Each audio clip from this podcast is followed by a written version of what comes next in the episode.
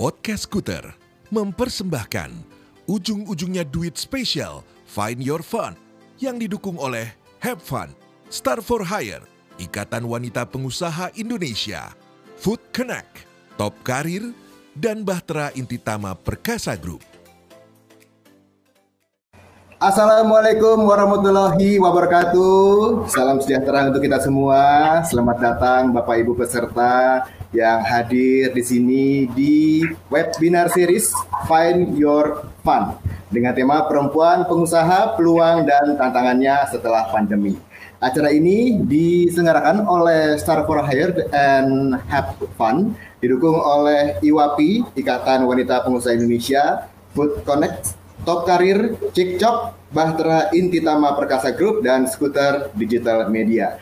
Senang sekali saya Nino Budianto bisa hadir di sini sebagai moderator dan saya tidak sendirian karena saya dipasangkan, wih dipasangkan oleh seseorang yang cantik sekali pada sore hari ini ada Eva selaku COO dari Hub Fun. Halo Eva. Halo, thank you Mas Tino. Apa kabar? Baik Pak. Kita lagi dikurung nih, sebentar lagi dikurung dari Tang di Tangerang. oh iya, saya juga dikurung di Depok. Oh gitu, sama lah kita semuanya ya. Sama ya.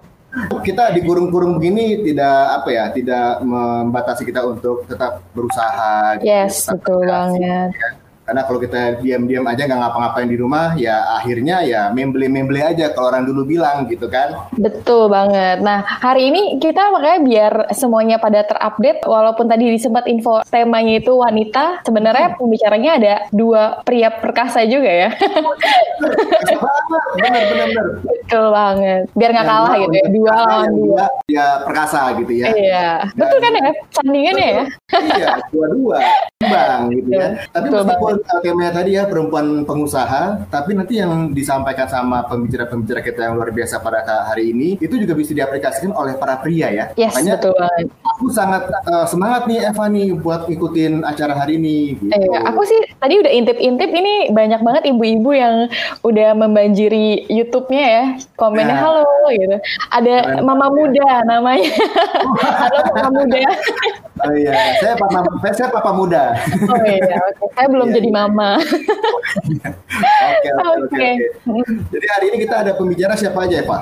Kita ada Bu Dani, ada Bu Masuri, ada Pak Joni Gunawan, sama ada Chef Ragil kayak gitu. Jadi uh, mungkin kita sebelum mulai kita mungkin bisa persilakan Pak Sabto kali ya uh, sebagai apa pria di balik ide uh, acaranya ini. Silakan Pak Sabto. Dari Star for Hire, silakan. Halo, halo, selamat siang semuanya. Assalamualaikum warahmatullahi wabarakatuh. Salam sejahtera buat kita semua. Ini senang banget kalau ngomongin tentang bisnis, jadi semangat gitu. Well, ya, yeah, thank you banget buat rekan-rekan pebisnis yang sudah berkesempatan untuk uh, mengikuti acara webinar series ini. Dan saya sangat senang kalau kita bisa bersilaturahmi, bisa saling membangun network uh, sama-sama ya, untuk membangun bisnis UMKM ataupun bisnis yang besar untuk Indonesia. Saya rasa saya mau perkenalkan sedikit dahulu sebelum uh, saya akan coba share screen, apa yang kita lakukan adalah jadi perkenalkan nama saya Sabto, saya adalah founder dari Star for Hire ya, yaitu perusahaan digital teknologi untuk pengembangan SDM. Lalu Star Hotel Indonesia, Star Hotel Institute adalah sekolah untuk uh, perhotelan. Lalu juga Stellar ini juga adalah digital teknologi. Kami memiliki bisnis perhotelan yaitu Onyx Residence dan Ansel Hotel di Bali yang saat ini memang kita dalam keadaan prihatin bahwa perhotelan sedang terpuruk, tetapi kita mencoba bangkit bersama-sama. Lalu juga ada BIP Group, ini adalah perusahaan pengelolaan investment. Uh, kita berharap bahwa UMKM dapat berkembang bersama-sama. Nah, ini kegiatan kami yang uh, kami lakukan, baik uh, bekerja sama dengan hotel-hotel, terakhir kita bekerja sama dengan LRT untuk pengembangan SDM, dan kita bersama-sama agar mengurangi pengangguran di Indonesia. Nah ini yang kita lakukan, kita juga mempersiapkan orang-orang bekerja di luar negeri, ya baik di Dubai dan Malaysia. Dan hari ini karena kita bertemu dengan para pebisnis, sering kali kita mau punya bisnis agak sulit untuk mengembangkan ya. Karena satu bisnis saja kadang-kadang sulit karena dibutuhkan ideas, dibutuhkan sumber daya manusia yang benar-benar mumpuni agar bisnisnya growth, lalu juga modal. Nah, ini yang sering kali para pebisnis uh, kesulitan untuk berkembang karena kekurangan modal. Nah, jangan sampai hari ini kita kan juga bahas uh, ada Pak Joni, wealth creator, expert ya. Uh, kita bisa boleh bertanya dan kita boleh uh, tahu gimana caranya. Lalu kalau bisnis sudah berjalan, nah sering kali salesnya loyo, ya nggak bisa berkembang gara-gara nggak ada penjualan. Nah kita bisa saling membangun komunitas, saling membangun network agar salesnya juga meningkat gitu ya. Dan terakhir pasti ada growth-nya. Ketika bisnis berjalan, ada modal, ada SDM-nya sudah bagus, yang kita pastikan growth. Ketika growth itu ada, maka ekonomi Indonesia itu akan kuat karena bisnisnya akan mengenerate generates more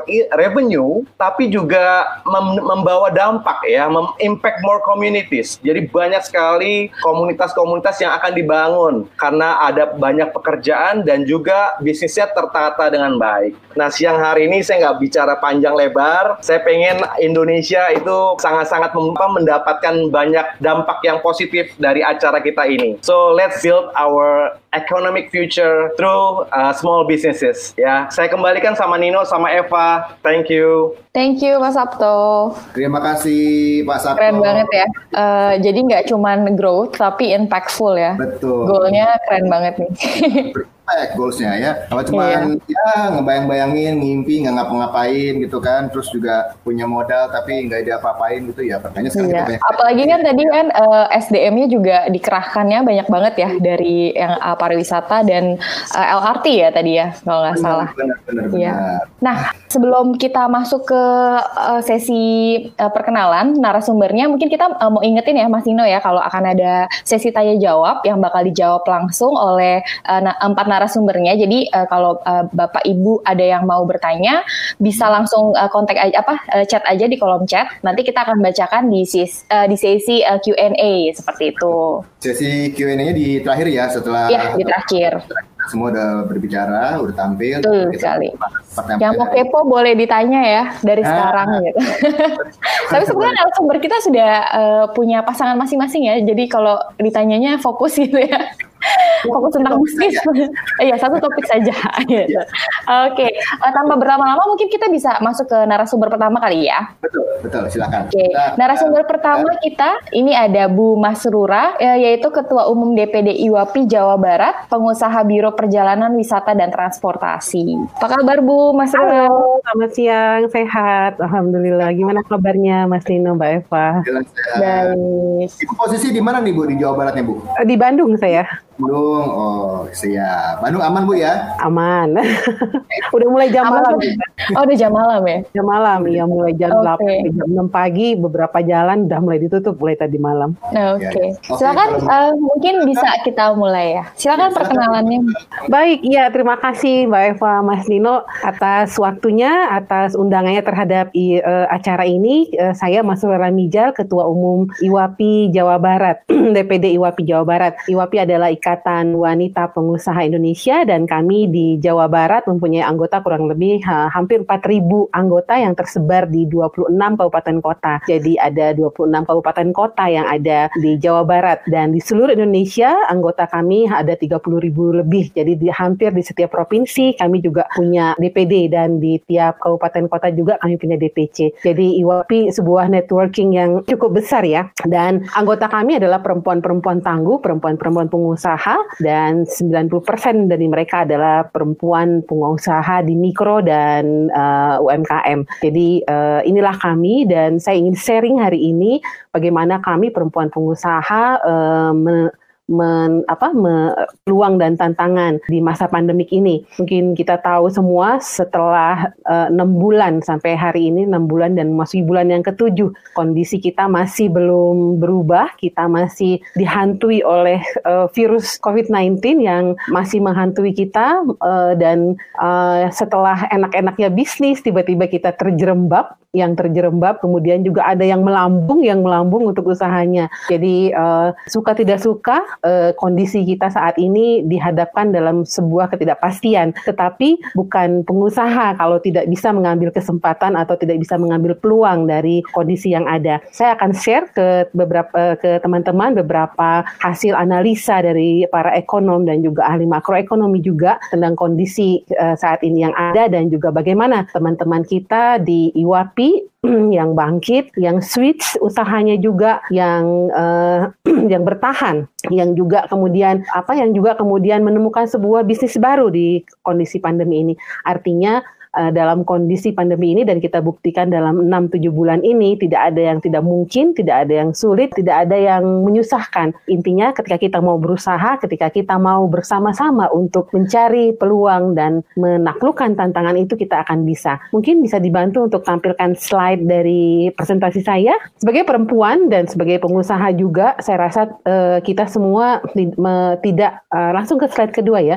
Kita semua uh, memiliki sebuah tantangan yang berbeda perempuan memang tidak seperti laki-laki, perempuan memang tidak uh, sekuat laki-laki, tetapi perempuan punya taktik, punya uh, pria, punya taktik dan punya seribu akal untuk uh, mewujudkan usahanya. Nah, saya ingin uh, sharing kepada teman-teman bagaimana perubahan perilaku daripada konsum konsumen atau perilaku daripada kita setelah pandemi ini. Dan di sinilah kita bisa melihat dan di sini kita bisa uh, mengambil uh, peluangnya bahwa kondisi COVID-19 ini membuat satu kita mempunyai interaksi sosial yang sangat terbatas. Jakarta tanggal 14 mau di lockdown lagi ya, artinya kita akan kembali di rumah, tidak bebas beraktivitas, kita hanya akan ada di rumah. Aktivitas luar ruangan kita yang terbatas, kita hanya ada berada di dalam rumah dengan keluarga dan hanya terkoneksi secara online dengan dunia luar dan kita lebih sering browsing, sedikit-sedikit browsing, browsing. Jadi laptop, komputer, handphone semua di tangan.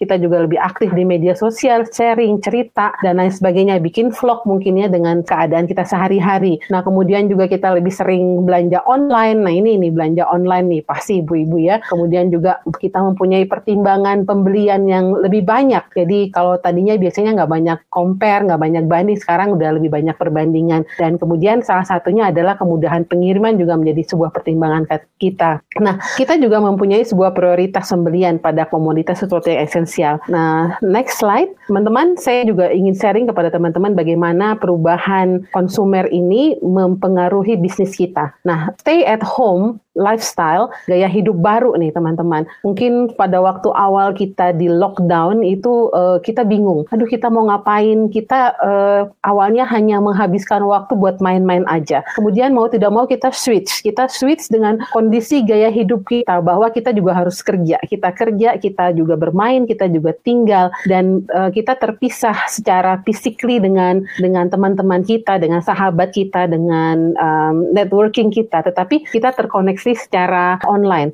dengan segala uh, segala keterbatasannya tetapi kita masih terkoneksi dan ini yang mem membuat akhirnya kondisi kondisi online ini menjadi sebuah kebiasaan baru. Nah, kebiasaan baru ini yang kemudian menimbulkan sebuah perubahan dari bottom of the pyramid. Jadi kalau dulu kita, kebutuhan konsumen itu bergeser ya dari kemudian aktualisasi diri, kemudian kita menuju hanya ke dasar piramida yaitu makan, makanan, kesehatan dan keamanan jiwa raga kita concern terhadap kesehatan kita. Apa-apa uh, kita ingin meningkatkan imun supaya nggak gampang terkena um, uh, virus itu. Me, apa makan makanan sehat, kemudian olahraga gitu. Jadi kita lebih lebih concern kepada button up. Kita udah nggak peduli lagi mau beli pakaian mewah, mau beli sepatu bagus, tas bagus atau yang lainnya karena uh, ya mau nunjukin ke siapa juga ya karena kondisinya online dan kita hanya di rumah. Uh, itu betul-betul uh, sesuatu yang yang yang merubah memaksa kita untuk ke kepada kondisi seperti ini. Dan ini juga yang memaksa kita berubah juga pola pola daripada bisnis kita. Dan dengan adanya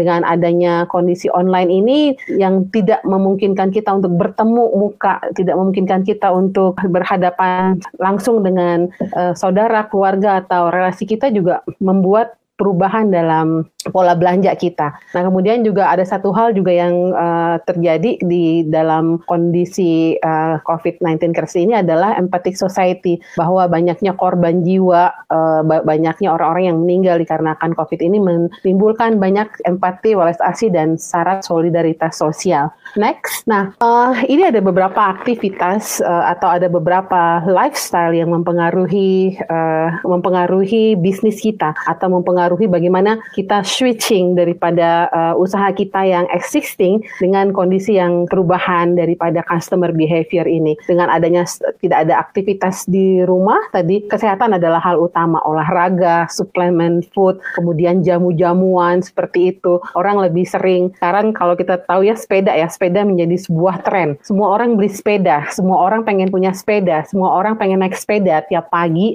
uh, terutama Sabtu Minggu, semua orang pengen naik sepeda. Kemudian beli alat-alat olahraganya, mulai dari pakaiannya, sepatu, kemudian helmnya. Ada teman saya yang dia switching langsung lihat tren uh, sepeda begitu tren, dia rubah bisnisnya jualan peralatan perlengkapan sepeda itu, alhamdulillah per bulan omsetnya udah puluhan juta, hanya jual peralatan aja itu luar biasa. Uh, begitu begitu dia melihat sebuah peluang ada di sana, langsung switching, nggak mikir dulu jauh, oke okay, switching, cari di mana sumbernya dia bisa jualan alat-alat itu dan alhamdulillah itu ganti bisnisnya dia yang tadinya di transportasi yang nggak jalan dia bisa tuker. Nah ini juga bagaimana kita melihat sebuah peluang. Kemudian teman-teman yang jual suplemen, uh, ada teman yang juga bikin kemasan uh, rimpang ya, jual rimpang, kemudian jual um, jamu-jamuan seperti itu. Ini juga banyak teman-teman kita yang ambil peluang ini juga. Nah, kemudian juga dengan adanya online shopping, banyak uh, teman-teman kita perempuan-perempuan tangguh ini yang belajar bagaimana saya bisa posting di beberapa platform untuk jualan produk-produknya secara online. Jualan semua di semua yang bisa memungkinkan kemudian juga mereka jadi reseller juga gitu. Jadi apa pun yang dikerjakan dalam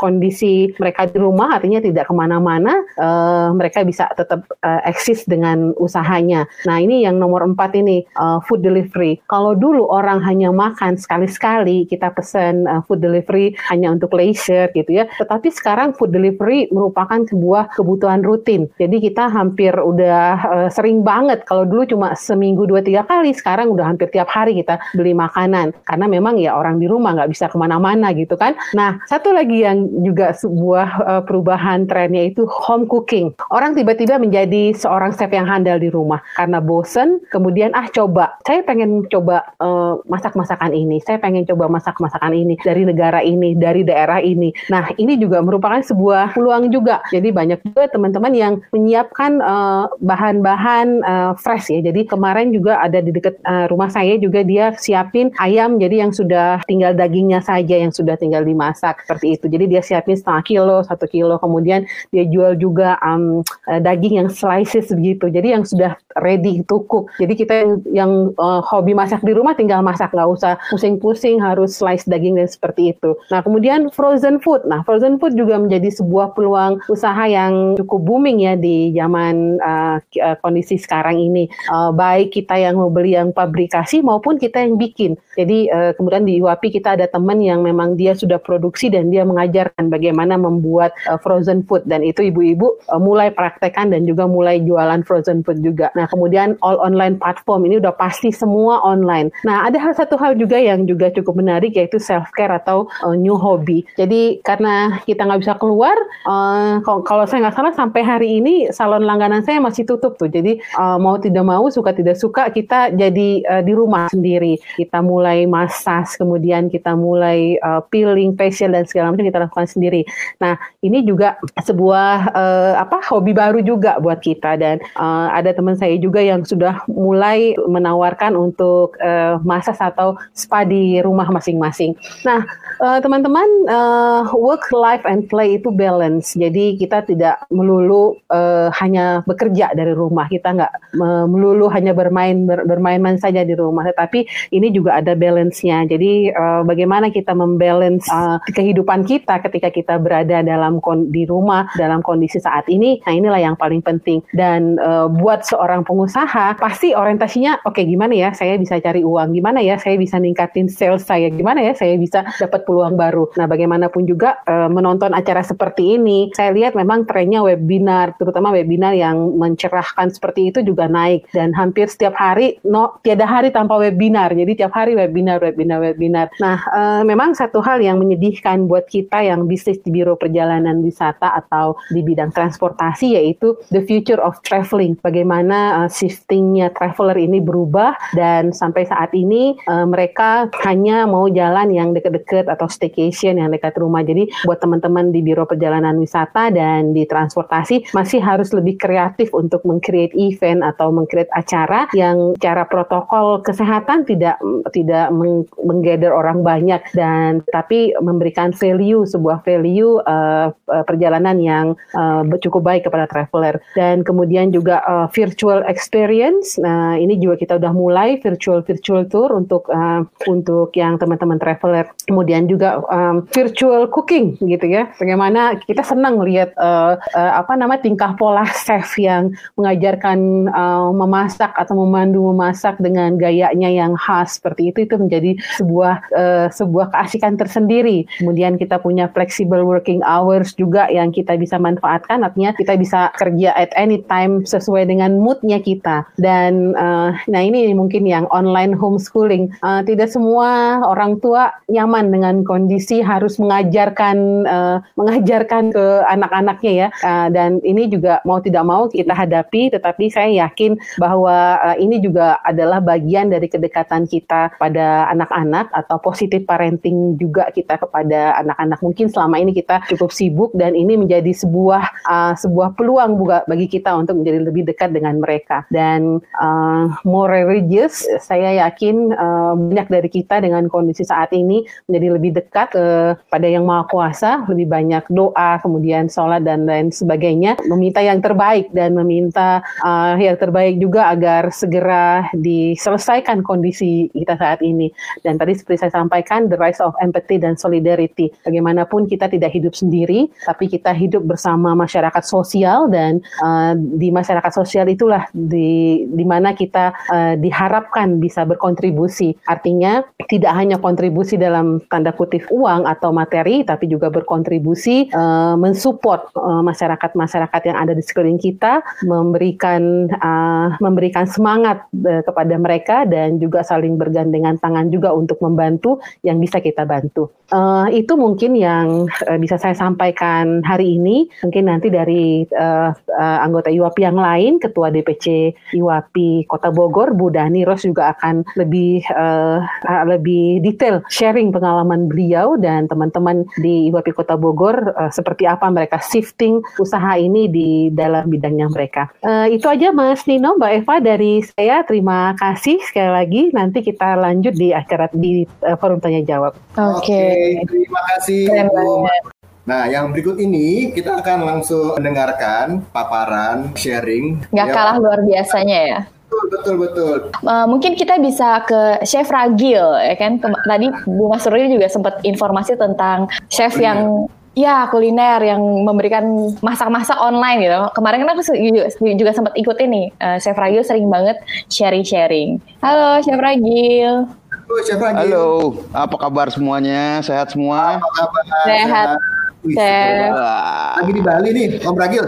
Apalagi di Hawaii? Uh, enggak, di depan kok akuarium. depan akuarium. Kostumnya oh, iya. sekali gitu. Banyak yang piara cupang juga ya. Saya Ragil ini uh, beli cupang. enggak sih, ini istri saya uh, hobinya aquascape. Jadi oh, cuma okay. tanaman doang dengan ikan kecil-kecil. Kalau oh, ikannya okay. gede, saya juga nggak terlalu suka karena agak kotor juga. Sering digoreng. Kalau ikannya gede digoreng sama chef Ragil ya. Nah, itu ya. emang nggak boleh terlalu gede ya. Jadi okay. fish and chips ntar. Waduh, seru juga tuh ya. Chef Ragil, pun uh, uh, uh, gitu, ya. siap ya untuk uh, sharing-sharing nih ke kita nih, apalagi sebagai salah apa salah satu uh, yang industrinya lagi booming banget saat corona hmm, makanan gitu ya. Sih. booming dong. Saya semua teman saya jadi chef dadakan loh, jualan. Iya, benar, bener. bener kan ya? Oh juga jualan nasi liwet waktu corona.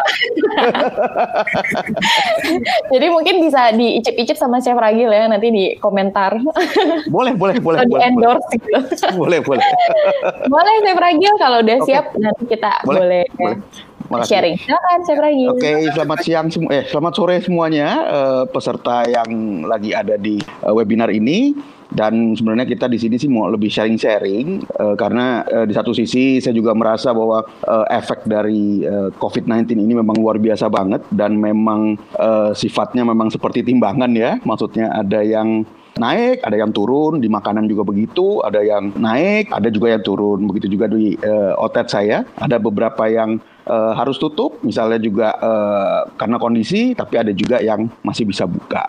Nah, sebenarnya saya mau uh, cerita dulu sedikit bahwa kenapa saya membuat uh, konsep uh, makanan ini yang akan kita uh, sharing bareng bahwa sebenarnya saya itu udah mau bikin satu konsep makanan yang tadinya kita sendiri yang mau uh, jualan. Tapi begitu saya pikir-pikir kayaknya saat ini uh, bukan zamannya lagi kita semuanya sendiri ngejalaninnya. Gimana caranya supaya konsep ini bisa dimiliki oleh banyak orang. Nah kebetulan uh, saya sempat ngobrol-ngobrol juga sama uh, Eva sama uh, Mas Sabto gitu ya kok kayaknya pintunya banyak kebuka. Pintunya banyak kebuka dalam arti gimana caranya supaya kita bisa berusaha dengan modal tidak terlalu banyak tapi bisa tetap jalan dan bisa menghasilkan. Nah, dari kira-kira produk apa yang disukai oleh orang Indonesia gitu. Akhirnya uh, kepikiran deh, orang Indonesia kan seneng makannya kalau nggak nasi, ayam sama apa pun yang terbuat dari ayam. Nah, akhirnya uh, saya kepikiran, saya timang-timang apa yang kira-kira kira uh, oke, okay, disukain juga sama uh, banyak orang, banyak kalangan gitu ya. Akhirnya kepikiran deh bikin ayam goreng. Tapi ketika ayam goreng, ayam goreng seperti apa ya? Karena kan ayam goreng udah banyak banget nih jenisnya. Mau yang dari uh, ayam yang seperti fast food, ayam uh, goreng uh, lokal pada umumnya, kemudian banyak ayam geprek gitu, ayam apalagi ayam uh, smash gitu ya. Semuanya kayaknya udah ada gitu. Akhirnya saya kepikiran wah uh, kayaknya ini menjadi suatu ide yang menarik kalau ayamnya adalah ayam goreng tapi yang lebih ke cemilan. Walaupun bisa dimakan juga sebagai eh, makanan-makanan uh, pokok. Dan juga yang pasti harganya harus bisa uh, diserap oleh pasar yang tebal. Pasar yang tebal di Indonesia itu kan memang yang kelas uh, C dan kelas uh, B. Jadi harus dua kelas ini yang bisa menyerap tebal si konsep ini. Jadi keluarlah ini konsep si namanya ayam cikcok. Jadi ini sebenarnya singkatan, singkatan dari chicken kocok gitu. Jadi ayam yang dikocok dengan bumbu gitu. Nah, gitu. Jadi ini konsepnya sebenarnya lebih kemitraan. Jadi bukan uh, franchise karena terus terang memang ini adalah uh, konsep baru dan kalau konsep baru memang harus kemitraan bersama. Nah, jadi cicok itu adalah uh, gerai sayap ayam yang dikasih uh, dua jenis bumbu, yang satu bumbu tabur kering dan yang satu adalah bumbu basah. Tapi konsepnya adalah rasa dengan rasa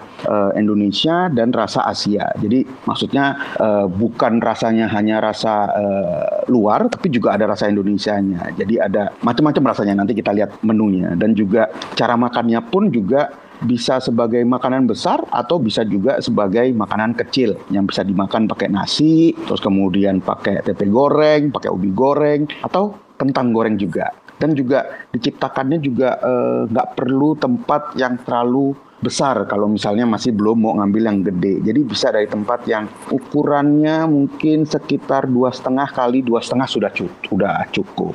Mudah-mudahan juga bisa kelihatan secara jelas di peserta semua. Jadi ini ayamnya yang sebelah kiri atas itu adalah yang uh, bumbu kering. Ya ini bumbu keringnya. Ada, oh sorry ini bukan bumbu kering juga. Ini bumbu basah. Ini ayamnya dibalut dengan saus padang. Ya kebayang nggak kalau ayam goreng tapi dimakannya dengan saus padang yang udah dicampur. Waduh ini rasanya udah. Aduh saya habis uh, ngeliat ini lagi ya setelah moto kayaknya juga masih pengen lagi nih. Karena saya memang favoritnya uh, uh, sayap ayam. Terus kemudian yang bawah kanan itu adalah ay, uh, sayap ayam dengan bumbu yang kita namai hui mui. Jadi dia pakai sambal terasi dengan madu gitu. Jadi manis, pedas, gurih. Wah, pokoknya menggetarkan lidah banget lah. Promosi banget ya. Oke, oke. Nah, ini juga yang Atas itu yang bumbu kering, jadi itu kita kasih uh, keju dengan perpaduan keju dengan jagung manis rasanya. Dan juga yang bawah itu kari rasanya. Dan di di semua uh, ayam kita kita kasih juga taburan uh, apa ya? Mungkin orang sini bilangnya kremesan ya. Ya, kremesan itu. Jadi ketika dimakan juga masih ada crunchy-crunchy-nya dan juga untuk tepungnya adalah itu tepung yang kita buat khusus yang lumayan untuk uh, menemukan resep ini kurang lebih dua setengah tahun saya nyoba-nyobanya untuk mendapatkan uh, rasa crunchy yang bisa bertahan lama dan juga ketika dicampur dengan uh, saus-saus yang enak, gurih dan pedas ini tetap bisa uh, terasa ke garingannya. Dan juga ini untuk uh, kentang gorengnya, ubi goreng dan tempe gorengnya juga uh, balutan tepungnya juga uh, khusus gitu ya. Nah ini uh, mungkin terlalu kecil ya, jadi ini uh, saya gambarkan saja bahwa menunya ini memang kita bilangnya adalah cikcok ayam crunchy berbumbu seru gitu. Karena bumbu-bumbunya memang seru banget. Ada yang uh, terasi madu ya tadi yang gui mui terus ada yang bingit yang pakai uh, sambal terasi gitu ya. Terus ada yang tambo ciek yang pakai uh, saus padang terus ada yang spicy hell ya itu pakai garlic pakai keju parut tapi pakai cabai rawit juga. Jadi benar-benar bumbu-bumbunya sebenarnya bumbu-bumbu yang biasa kita kenal tapi dibuat lebih uh, kekinian. Istilahnya mungkin seperti itu. Terus kemudian juga yang bumbu keringnya uh, ada dikasih bubuk kari, terus juga ada yang dengan keju dan uh, jagung yang rasanya juga sedap banget dan juga ada bumbu kering uh, barbecue. Kemudian uh, untuk uh, makanan sendiri juga bisa ditambah-tambah untuk uh, mau ditambah wing lagi boleh, terus kemudian ditambah uh, side dishnya juga uh, bisa gitu ya. Jadi uh, benar-benar uh, uh, made to order. Dan ini adalah konsep outletnya yang tadi saya sampaikan bahwa outletnya ini memang tidak perlu tempat yang terlalu besar. Jadi ada yang besarnya dari dua setengah kali dua setengah. Terus kemudian yang bawah itu agak lebih besar itu sekitar tiga kali lima. Jadi benar-benar sesuai dengan tempat yang dimiliki oleh uh, mitra kita. Itu jadi benar-benar uh, fleksibel. Oke, okay, ini untuk konsep yang lebih besarnya yang kita akan pakai container second biasanya terus kemudian akan kita renovasi dan kita jadikan sebuah uh, cafe dengan kondisi yang cukup menarik gitu. Oke, okay, next. Oke, okay, ini sebenarnya lebih ke uh, urusan detailnya ya. Nanti kalau misalnya ada yang tertarik, nah kita bisa ngobrol lagi lebih uh, detail deh karena ini juga Uh, saya juga uh, bekerja sama dengan Have untuk bisa membuat banyak yang bisa ikutan di uh, konsep uh, si Cikcok ini. Nah, uh, next slide gitu. Nah, ini untuk uh, target pasarnya kita juga uh, bermainnya memang di kisaran yang 15.000 sampai 20.000 dan uh, bisa juga sampai 25.000 dan juga untuk uh, target market kita ngejarnya B dan C walaupun dengan kemungkinan target A-nya juga uh, ikut membeli. Karena siapa yang nggak doyan dengan uh, chicken wing ya gitu. Maksudnya banyak sekali yang suka dengan chicken wing. Kemudian juga uh, yang seru adalah penikmat ayam goreng di Indonesia itu setiap tahunnya naik antara 150% sampai 200% penikmatnya. Jadi luar biasa eh, pasar yang eh, banyak sekali untuk eh, yang menyuk ayam goreng ini gitu. Jadi eh, terbuka banget pasarnya. Dan eh, konsep ini memang kita buka supaya tidak menjadi apa ya istilahnya tidak bersaing dengan pasar yang ada tapi kita mengejar pasar yang suka ayam dengan rasa dan dengan konsep yang baru. Oke, ini untuk uh, lokasinya beberapa yang uh, kita sarankan adalah area retail pinggir jalan yang uh, yang pasti harga sewanya jadi lebih murah, kemudian akses uh, uh, ojolnya lebih mudah uh, walaupun mungkin pejalan kakinya uh, kurang banyak yang lewat gitu. Terus kemudian atau kalau kita uh, ada modal sedikit lebih besar, ada area retail komersil yang di stasiun, bandara atau di mall. Uh, saya sekarang tidak menyarankan di mall ya. Uh, banyak pejalan kakinya, banyak orang jalan kaki, tapi harga lebih mahal, tapi akses uh, ojolnya uh, lebih sulit. Kalau saya selalu menyarankan untuk memakai uh, uh, area yang pertama karena memang konsep bisnis kita lebih mengedepankan penjualan lewat uh, uh, ojol gitu, lewat online. Uh, jadi uh, supaya uh, volume tetap lebih besar walaupun harga sewanya tidak uh, mahal. Next slide. Oke, okay. Ini konsep kemitraannya uh, warung ayam goreng yang modern dan kekinian kemudian harganya yang terjangkau tadi sekitaran 15.000 sampai 25.000 kemudian eh, bahan-bahannya disiapkan dari dapur utama. Jadi di tempat penjualannya hanya tinggal finishing supaya eh, rasanya dan kualitas tetap terjaga. Kemudian penanganan yang minimal kenapa minimal? Jadi di outlet itu paling kita eh, hanya menggoreng dan eh, menempatkan ke box-box untuk langsung dikirim dan disajikan. Kemudian biaya kemitraan awal rendah, ROI-nya cepat, sistemnya terintegrasi karena kita akan menggunakan sistem digital dan juga akan uh, terpantau secara uh, 24 jam. Kita akan sebisa mungkin menggunakan sistem uh, uh, CCTV online jadi supaya semuanya bisa terdeteksi dan juga akan uh, mendapat digital marketing dan promotion support gitu. Oke, ini untuk harganya mungkin nggak bisa saya jelasin di sini satu-satu. Jadi mulainya aja, mulainya itu adalah dari eh, uh, 30 juta rupiah. Ini khusus untuk uh, yang ikut dengan uh, Have Fun. Saya memberikan harga spesial gitu. Kemudian untuk uh, paket standarnya 65 juta, ini besarannya agak sedikit lebih besar.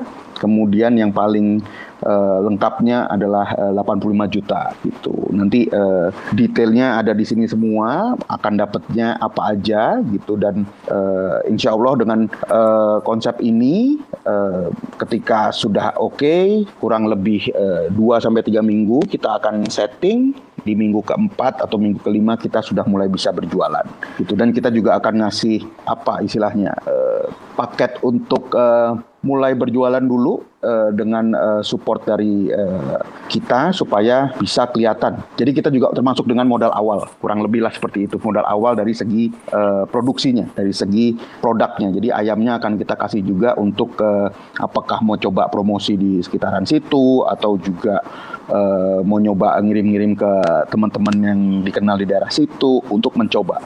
Dan uh, itu juga sebagai uh, modal awal untuk berjualan. Jadi uh, kita berikan juga, jadi nggak nggak semuanya nol nol banget.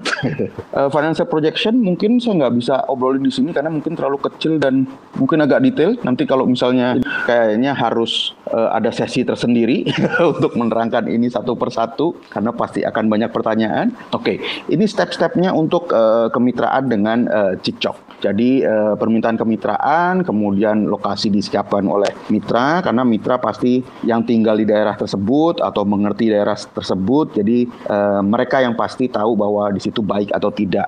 Uh, kemudian akan dilanjutkan dengan penandatanganan MOU, kemudian pelunasan uh, pembayaran untuk mengambil paket yang mana, kemudian persiapan empat minggu, perekrutan karyawan kita juga kerjasama dengan uh, Star for Hire. Jadi uh, Bapak Ibu peserta semua di sini juga nggak usah pusing nyiapin uh, karyawan, tapi kalau misalnya karyawannya kira-kira ada dari sendiri, boleh diikutin training dulu ke Star for Hire. Jadi uh, ketika menjalankan uh, konsep ini semuanya sudah uh, tertata dengan baik dan dengan standar yang uh, bagus dan SOP yang benar-benar kita uh, jaga bersama. Kemudian uh, setelah perekrutan karyawan, ada delivery bahan baku, tadi termasuk yang untuk uh, training, kemudian juga termasuk untuk penjualan awal. Kemudian ada training dan trial run dan kemudian yang terakhir adalah opening day. Dan ini adalah sebuah sebuah uh, konsep uh, makanan yang sangat uh, simple karena saya sangat yakin banget bahwa tidak semua orang mau memasak tapi mau berusaha. Nah, kemudian ini adalah salah satu uh, kesempatan untuk yang tidak suka masak tapi suka makanan enak tapi pengen usaha makanan. Nah, ini jadi bisa mulai dari sini dan juga dengan uh, modal awal yang tidak besar gitu. Nanti mungkin untuk masalah Evan mungkin uh, Eva sama Pak Joni kali ya lebih lebih detail nanti ngejelasinnya. Dari saya sih segini aja. Terima kasih. Mudah-mudahan uh, menarik dan siap-siap jadi uh, chicken trainers dalam bentuk yang positif. Dan kadang-kala orang bilang kalau chicken tuh lemah apa segala macam tapi ini enggak. Kita sebagai chicken trainers uh, bisa apa istilahnya me meyakinkan bahwa pengusaha ayam terutama di Indonesia itu itu salah satu yang sangat solid sekarang di uh, masa seperti ini gitu. Terima kasih kasih dari saya itu aja, Mas Nino dan uh, Mbak Eva. Mungkin nanti tinggal kita sambil berdiskusi. Yes. Siap, Chef Ragil, terima kasih uh, paparannya luar biasa sekali. Tapi saya juga tadi setuju tuh yang namanya chicken itu kan bukan berarti lemah, penakut ya. Soalnya belum pernah dirasain di tok chicken soalnya. Dan kalau tadi bilang di Indonesia itu pasar pemakan ayam goreng khususnya emang luar biasa. Saya sendiri pemakan ayam goreng chef, demen banget. Oh. Semua mulai dada, paha, sayap, apalagi tuh palanya, semua deh, beneran. Mm-mm. Kemarin waktu cobain juga saya udah tes udah tester kan. Jadi kemarin saya saya pecinta ketek ayam. Chicken wing. Jadi kayak oh enak banget gitu ya dalam uh, kayak aduh. Terus kemarin juga dikasih tahu price list harganya kan itu murah banget. Jadi kayak bisa makan ketek ayam setiap hari. oh gitu. Masih mau coba? Iya. Boleh, boleh. Nah, ke, ke, ya. ini kan juga udah banyak ini yang nanya-nanya tentang uh, bisnisnya seperti apa gitu. Jadi mungkin kalau yang uh, mau tanya-tanya secara singkat nanti bisa juga ditanya. Uh, kita bakal jawab di Q&A. Tapi kalau untuk yang mau detail, kebetulan kita bakal ada sesi khusus sama Chef Ragil untuk uh, kupas lebih dalam dari awal sampai akhir. Tadi kan baru cuma sekilas doang nih, dapat apa aja, terus harganya berapa. Terus tadi ada kata-kata Chef Ragil agak bikin uh, pusing ya tadi. Ini ya cocok untuk yang suka makan nggak mau masak tapi mau usaha makan. Nah itu iya, iya, iya. bikin uh, moto atau tagline ya. Nggak suka makan tapi mau berusaha gitu berusaha iya tapi mau berusaha. Usahanya mak makanan gitu kan iya. Tapi saya baru tahu sih eh, nama apa kepanjangan itu eh, chicken kocok. Ini, ini coknya apa? Oh kocok. Jadi, oh, ya, kocok. kocok. Kocok bumbu gitu maksudnya. Iya. Nggak boleh pakai alis yang ngomongnya ya dan, Dan konotasinya agak negatif yang gitu. crunchy ya crunchy. K iya. C I crunchy. Iya betul Jadi sekali. ini kayak crunchy di Indonesiain crunchy. Iya. agak Sunda ya. Agak Sunda. Iya, iya, iya, iya. ini pokoknya ayamnya yang seperti tadi saya Pragi bilang menggetarkan lidah ya. Menggetarkan lidah bahasanya lebih iya bahasanya bagus banget. Nih seperti apa nih? Ya, ya, iya. Ya, ya. Nah ini sekarang Bu Dani udah bisa bergabung kembali ya. Halo ya. Bu. Nah. Oh, ya. Silakan. Ya, terima kasih. Uh, perkenalkan saya Dani Rose. Brand saya juga Dani Rose. Saya bergerak di bidang fashion sebagai seorang desainer. Uh, saat ini saya adalah Ketua DPC IWAPI Kota Bogor yang mana saat ini uh, pada masa uh, COVID pandemi ini, uh, COVID ini uh, begitu banyak kita mengalami perubahan uh, dari aktivitas kita yang biasanya kita berada di luar ruangan, sekarang kita melakukannya di dalam ruangan, uh, bekerja, berkarya, uh, juga melakukan hal-hal lainnya, kebanyakan di dalam ruangan. Ya, pada kesempatan ini saya akan mengulas tentang perubahan dan peluang bisnis kuliner pada uh, dan fashion uh, di masa uh, pandemi COVID-19. DPC IWAPI Kota Bogor sendiri dengan uh, beberapa UMKM ada uh, sekitar 200 UMKM bergerak di bidang uh, kuliner, fashion, art, jasa. Saat ini kita tetap berkegiatan, tetap aktif walaupun melalui uh, online, melalui uh, media Zoom uh, meeting kita melakukan kegiatan-kegiatan uh, juga melalui Zoom meeting jadi uh, karena uh, COVID ini membuat perubahan dalam kehidupan kita, maka segala uh, bisnis seperti saya ya, saya kan di bisnis uh, fashion bergeraknya. Di awalnya saya juga uh, sempat menutup uh, beberapa uh, toko saya, butik, uh, juga beberapa karyawan saya tidak bekerja karena kegiatan uh, pekerjaan tidak ada.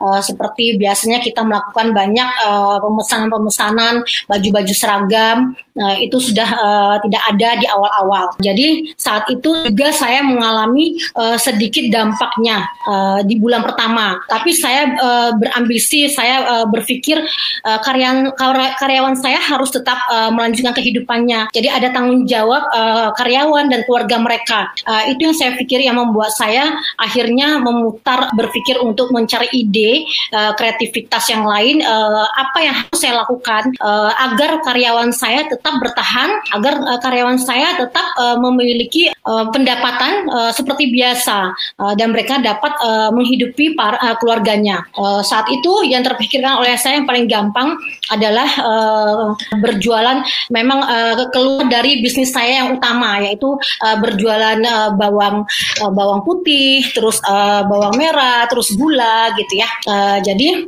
saat itu uh, itu adalah yang paling terbaik uh, dalam uh, dalam bisnis saya saat itu. Jadi uh, saya juga tidak uh, paham artinya ketika saya uh, melakukan uh, bisnis itu ternyata uh, banyak uh, uh, keberhasilan di situ.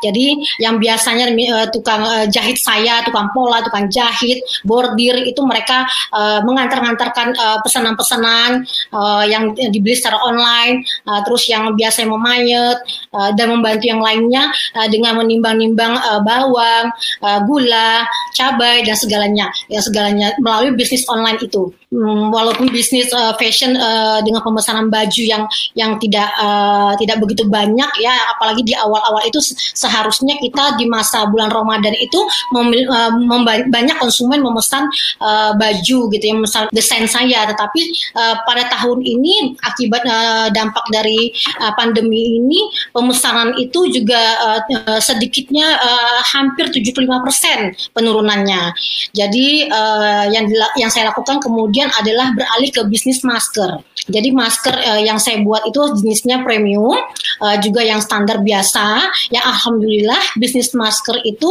uh, berjalan uh, sampai saat ini. Jadi ya masker yang uh, unik, uh, ada batiknya, ada tenunnya, dipayet, uh, dan dikasih aplikasi bordir.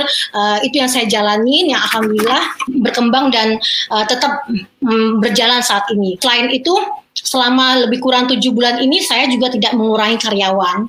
Walaupun karyawan toko itu uh, tidak uh, tidak bekerja tetapi saya uh, merasakan uh, hikmahnya adalah ketika saya dapat tidak uh, tidak memphk-kan pekerja saya. Selain itu juga saya memulai bisnis uh, kopi rumahan.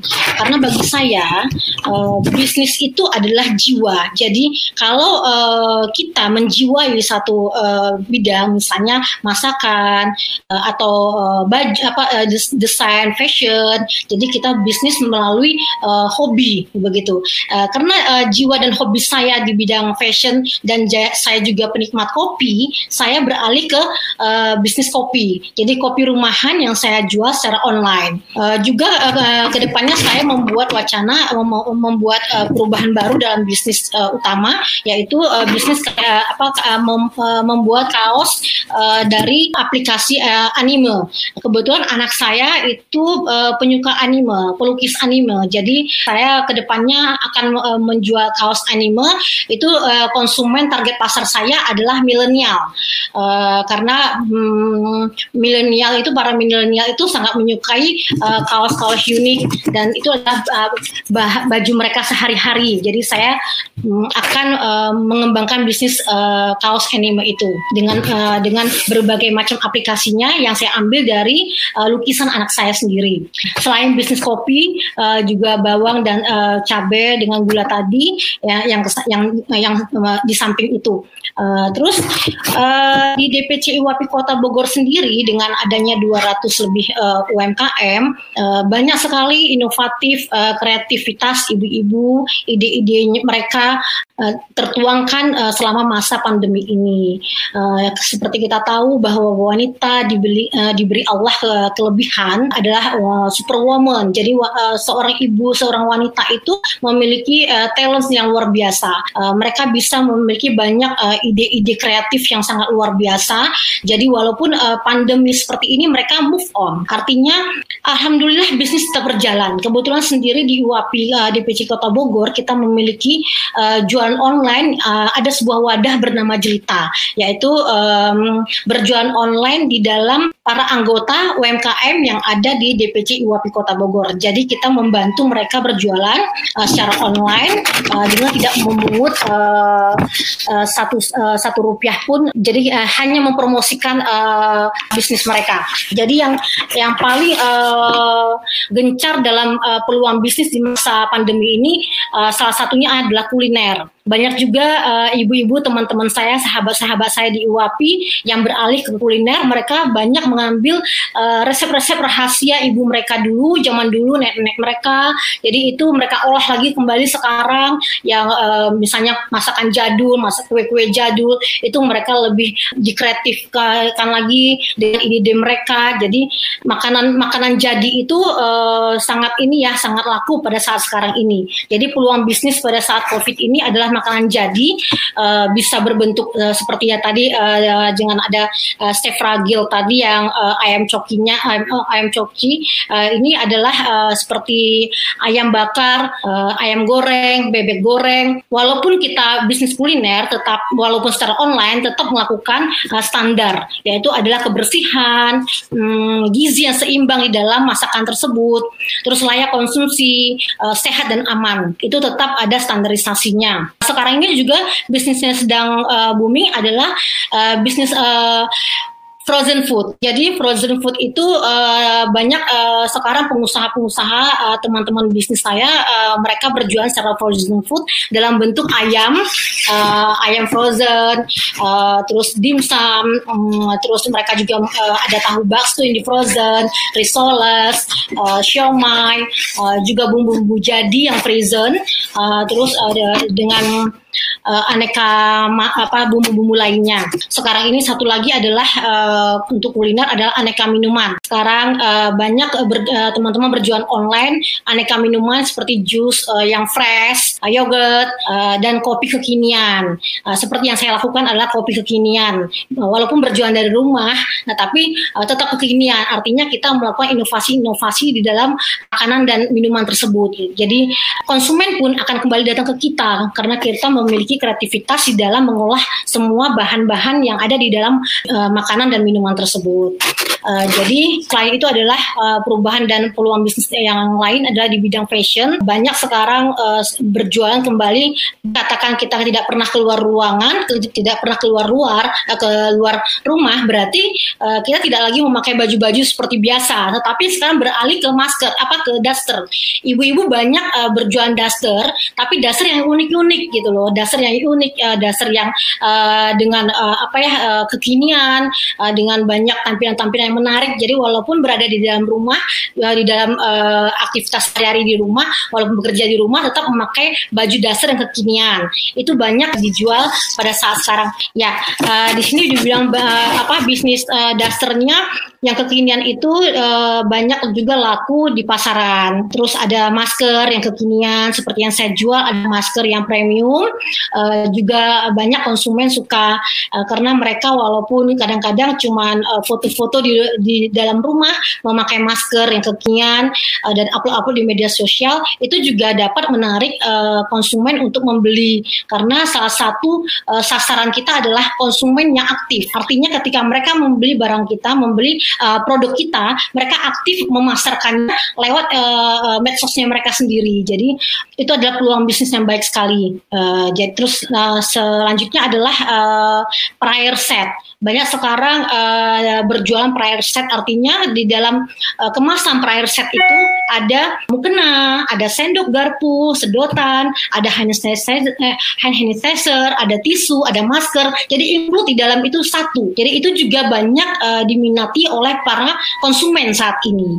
Uh, jadi itu adalah peluang-peluang bisnis uh, di dalam uh, pandemi ini yang sangat banyak diminati oleh para konsumen. Untuk uh, ide uh, dari peluang bisnis yang sudah dikembangkan saat ini yang banyak diminati oleh para konsumen ya, selain tadi uh, makanan jadi uh, frozen food, aneka minuman, uh, daster, masker, prior set. Uh, sekarang kita adalah uh, ide marketing dan strategi pasarnya. Jadi walaupun uh, sekarang ini kita kan uh, strategi pasarnya uh, satu kita memiliki uh, saya memiliki tujuh ide dari marketing saya dan strategi pasar saya. Itu adalah uh, tetap terhubung dengan pelanggan lewat media sosial. Artinya dalam setiap pelanggan yang datang pada kita saya memiliki database. Database itu penting karena di dalam database itu uh, kita uh, memiliki kontak ya pelanggan kita yang bisa kita hubungi setiap saat. Juga ada uh, Instagram medsos mereka yang kita ikuti. Jadi kita tidak pernah putus kontak dengan database. Uh, itu sangat penting uh, pada saat sekarang ini, gitu ya. Uh, jadi database itu harus kita um, uh, miliki. Uh, setiap uh, produsen, uh, setiap uh, pebisnis itu harus memiliki database uh, untuk uh, dengan konsumen. Uh, terus uh, selain itu juga uh, media sosial uh, kita juga uh, harus aktif di dalam uh, media sosial uh, baik Twitter, Instagram, uh, Facebook uh, seperti itu. Terus yang kedua adalah bisnis atau usaha yang dikembangkan lewat uh, online. Uh, di dalam melakukan bisnis ini sebaiknya kita tetap aktif dan uh, bisa juga pasif uh, di dalam bisnis uh, online dan offline. Uh, kenapa online? Online kita bisa melakukan IG live. Di dalam IG live itu kita bisa mempromosikan barang dagangan kita kepada konsumen, kepada dunia luar. Karena IG itu tidak terbatas ya, apalagi Facebook juga tidak terbatas gitu. Uh, baik di dalam negeri, di luar negeri juga bisa menonton uh, IG live atau uh, Facebook live juga sekarang ada. Uh, jadi kita promosikan seperti itu, tanya diskon, sale gitu ya di, di dalam IG Live tersebut, juga promo-promo tertentu yang kita pasarkan melalui IG Live. Uh, dengan media offline itu artinya seperti ini. Uh, kita juga harus aktif mendatangi konsumen kita. Artinya kita harus mengadakan pendekatan, penawaran-penawaran produk aktif uh, kepada konsumen secara offline dengan mendatangi mereka agar mereka juga uh, tertarik dengan produk kita.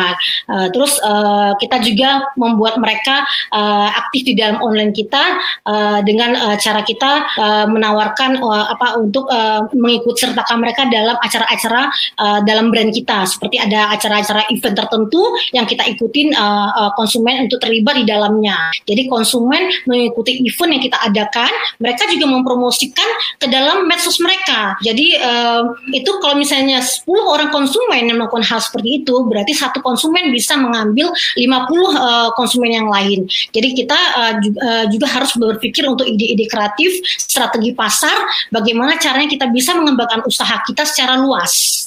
Uh, jadi Nah, selain itu adalah hmm, yang ketiga adalah terdepan dari kompetitor. Artinya begini, uh, ide kreativitas kita harus tetap berjalan.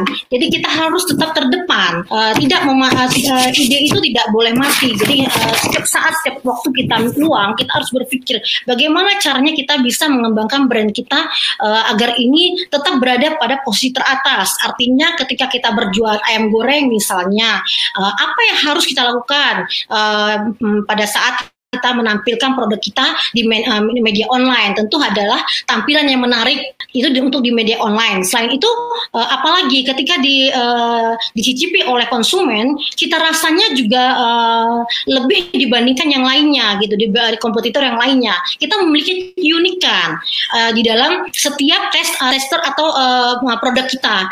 Seperti saya misalnya saya mempunyai brand Dani Rose, saya di bidang fashion, saya memiliki keunikan tersendiri dibandingkan yang lain. Jadi saya saya tidak akan pernah takut bahwa brand saya akan tergerus oleh brand lain. Nah, karena selain kita mm, menuangkan ide dan kreativitas dalam produk kita dengan tampilan lebih menarik, lebih wah, lebih dari produk lainnya, lebih dari segi misalnya kuliner dari segi cita rasanya, dari segi uh, fashion dengan uh, keunikan uh, desainnya, uh, itu adalah salah satu poin untuk kita dapat menarik uh, konsumen dan konsumen uh, yang uh, bertahan uh, untuk menjadi pelanggan tetap kita tidak akan lari ke tempat yang lain. Itu adalah uh, poin terdepan dari kompetitor. Jadi kita harus menaikkan uh, mutu strategi uh, juga kita harus meningkatkan uh, apa ya uh, daya jual dan daya saing uh, dalam uh, berkompetisi.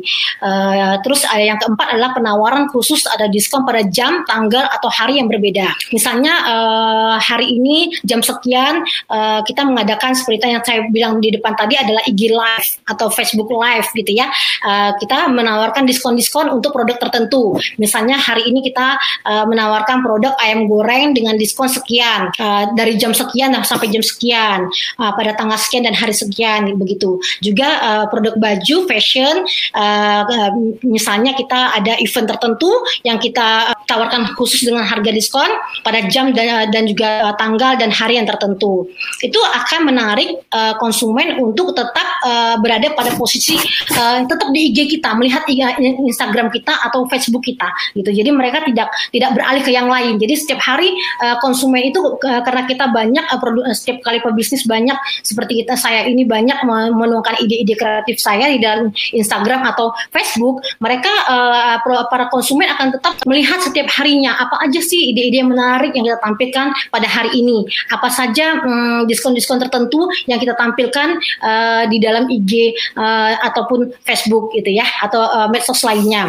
Jadi uh, yang kelima adalah uh, tanggap dengan situasi. Artinya kita harus uh, sebagai pebisnis atau sebagai pengusaha kita harus tanggap dengan situasi.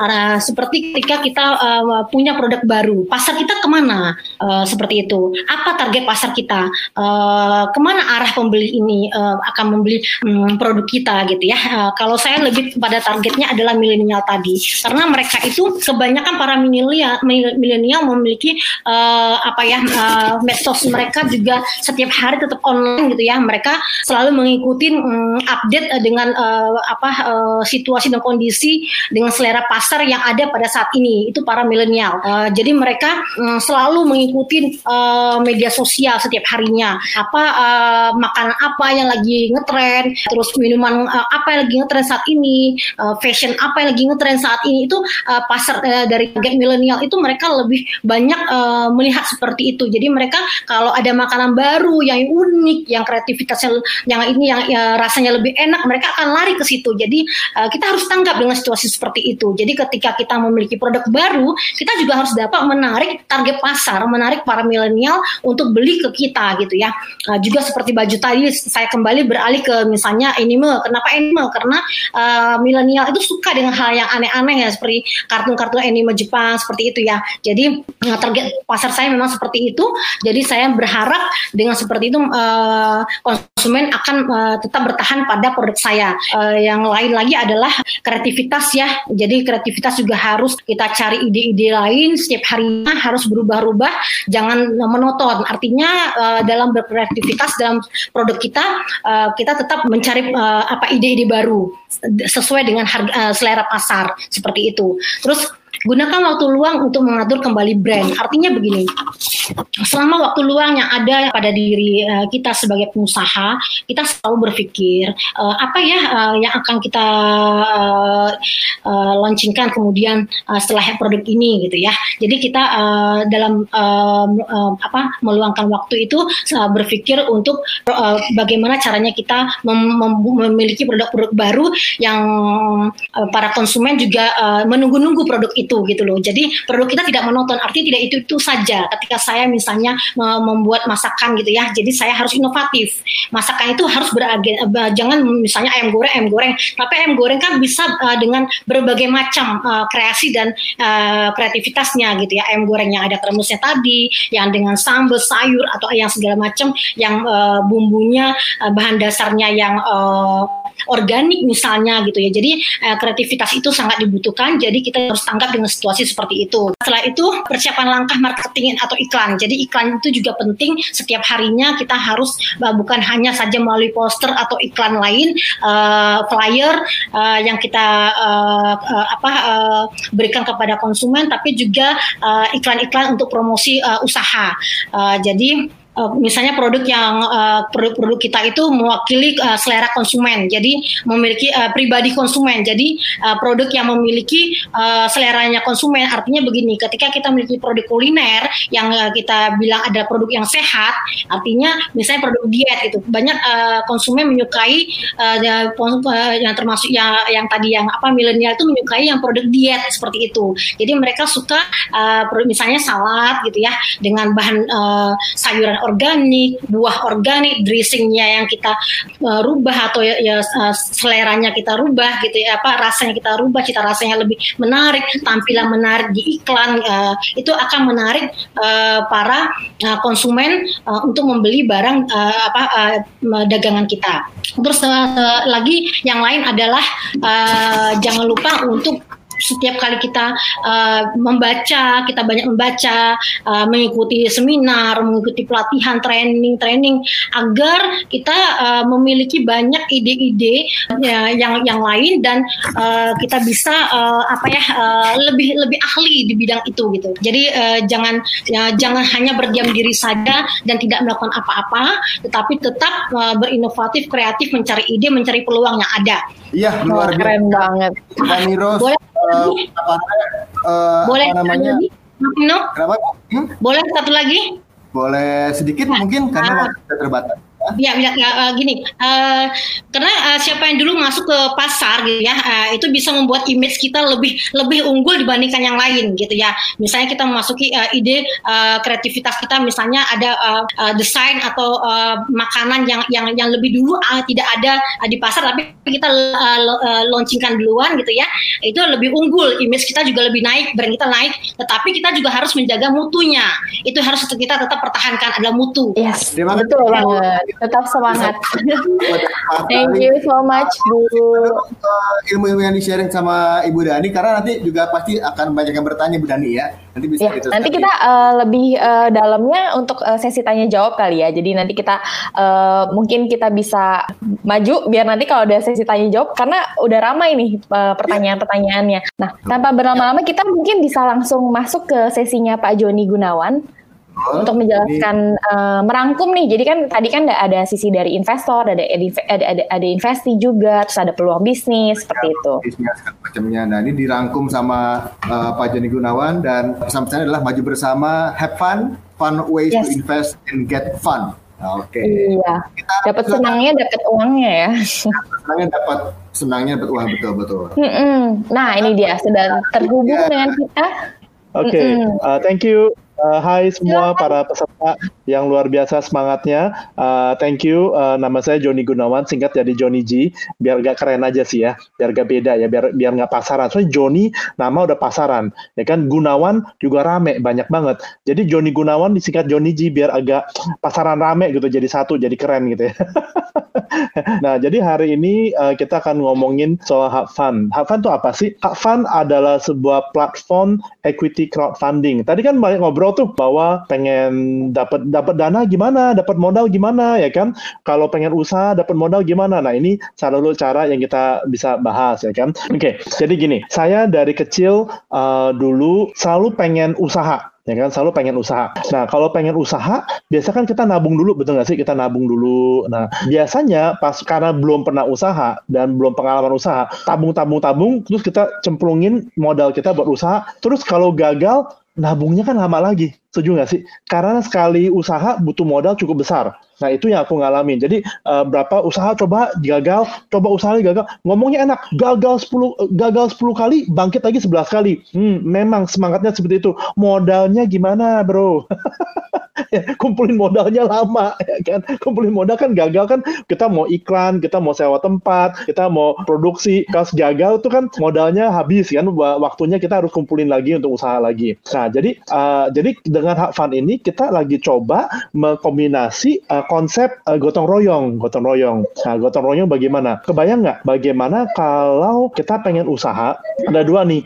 Ada yang punya modal, modal kecilnya 500 ribu aja, nggak usah besar-besar, udah bisa ikut uh, serta juga pemilikan bisnis dan ikut membantu bisnis itu berkembang. Jadi kesannya memiliki bisnis itu juga uh, untuk membantunya berkembang. Jadi tadi contoh ada cikcok ya kan, uh, chicken dikocok ya dari chef Ragil. Nah contoh cikcok, tadi modalnya butuh ada antara 30 juta sampai 60 dan 80. Yang punya modal keren ya kan? Udah kumpul kita mau coba usaha yang berusaha semoga uh, berhasil. Nama juga usaha kan? Ada resikonya ya kan? Ya semoga berhasil. Nah pemikiran kita rubah. Kalau kita sendirian usaha yang mempromosikan yang jalan bisnis kita sendiri. Jadi itu yang membuatnya ini jadi bebannya berat ya kan? Nah pemikiran gini gimana kalau kita urun dana rame-rame? Nah kalau kita urun dana rame-rame ratusan orang ya kan, atau ribuan orang ratu, ratusan orang 500 orang lah. Semua keluar uang 500 ribu atau satu juta. Ya kalau lima ratus ribu ya. Kalau lima ratus ribu keluarin lima ratus orang itu kurang lebih sudah hampir berapa tuh?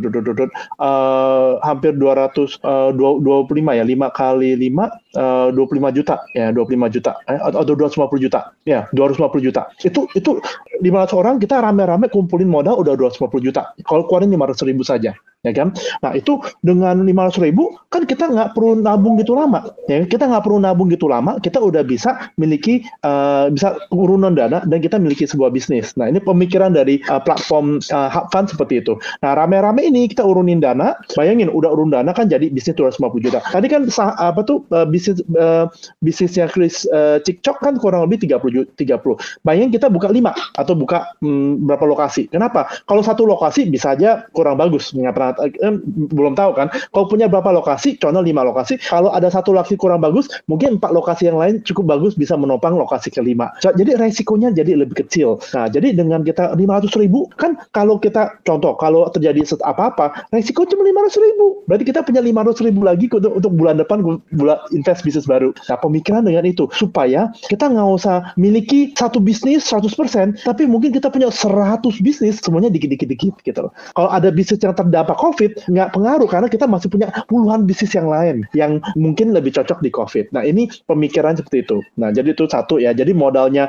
uh, kecil, resikonya jadi lebih kecil. Nah dengan rame-rame kita gotong royong untuk saling bantu. Kalau dulu saya buka, saya pernah buka kafe, uh, kafe steak gitu ya, steak, uh, ribs, apa tuh namanya uh, spaghetti. Waduh promosi iklan belum tentu customer datang, udah kasih diskon, udah kasih promosi, udah udah udah kita udah ada karyawan, kita udah udah coba uh, uh, beratnya minta ampun. Nah, itu uh, sendirian. Tapi kebayang, kalau 500 investor, 500 pemilik, semuanya kita merasa memiliki di bisnis sendiri. Kita itu yang kita saya mau saya mau kita rame-rame gotong royong, kita memiliki bisnis ini. 500 orang ini kita semua sama-sama memiliki, kita komitmen yuk seminggu sekali beli di bisnis kita. Nggak usah setiap hari seminggu sekali aja. Mungkin kita pengen nih cik, uh, tiktoknya ya, ya para millennials atau kita kita ya kan? Kita beli seminggu sekali. Berarti itu udah 2000 customer Nah, 500 orang dikali 4 seminggu sekali. Sebulan udah 2000 customer. Kalau 2000 customer ya kan yang belanja, kita pun investor kita juga customer. Kita sharing di WhatsApp, di tadi Instagram, di TikTok, di sosial media Facebook mana pun.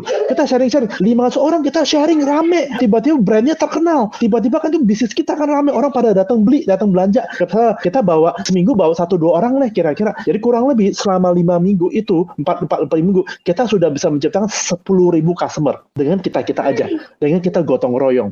Nah, biasanya bisnis seperti ini ada hitung-hitungan, butuh balik modal cepet, butuh waktu modal-modal mungkin berapa bulan. Tapi dengan kita gotong royong rame-rame, saling kerja sama, saling bantu ini, wah berapa cepat bisa balik modal. Benar nggak sih? Nah dengan rame-rame cepat balik modal, kita bisa apa? Modalnya kembali, kita dapat duit 500 ribu lagi, contoh, kita bisa beli bisnis berikutnya, di cabang lain yang berikutnya. Nah ini pemikiran dari fund ini, supaya siapa pun yang pengen uh, modal bisnis bisa menawarkan bisnisnya di kepada uh, hub fund ini. Nah pemikirannya ini adalah mendapatkan modal bisnis tanpa hutang. Ya, mendapatkan modal bisnis tanpa hutang. Nah, jadi bagaimana dengan tanpa hutang? Ya kita kerjasama, kita menawarkan pemilikan bisnis kita, menawarkan saham. Ya, nah ini memang ada teknik yang harus dipelajari. Yang penting siap mau belajar. Nanti kita ada kelas-kelasnya bagaimana menawarkan bisnis kita, pemilikan kita. Bisnis kita masih kecil, ya kan, masih belum ada apa-apa, atau masih belum mulai, masih baru, masih masih itu no problem, masih bisa.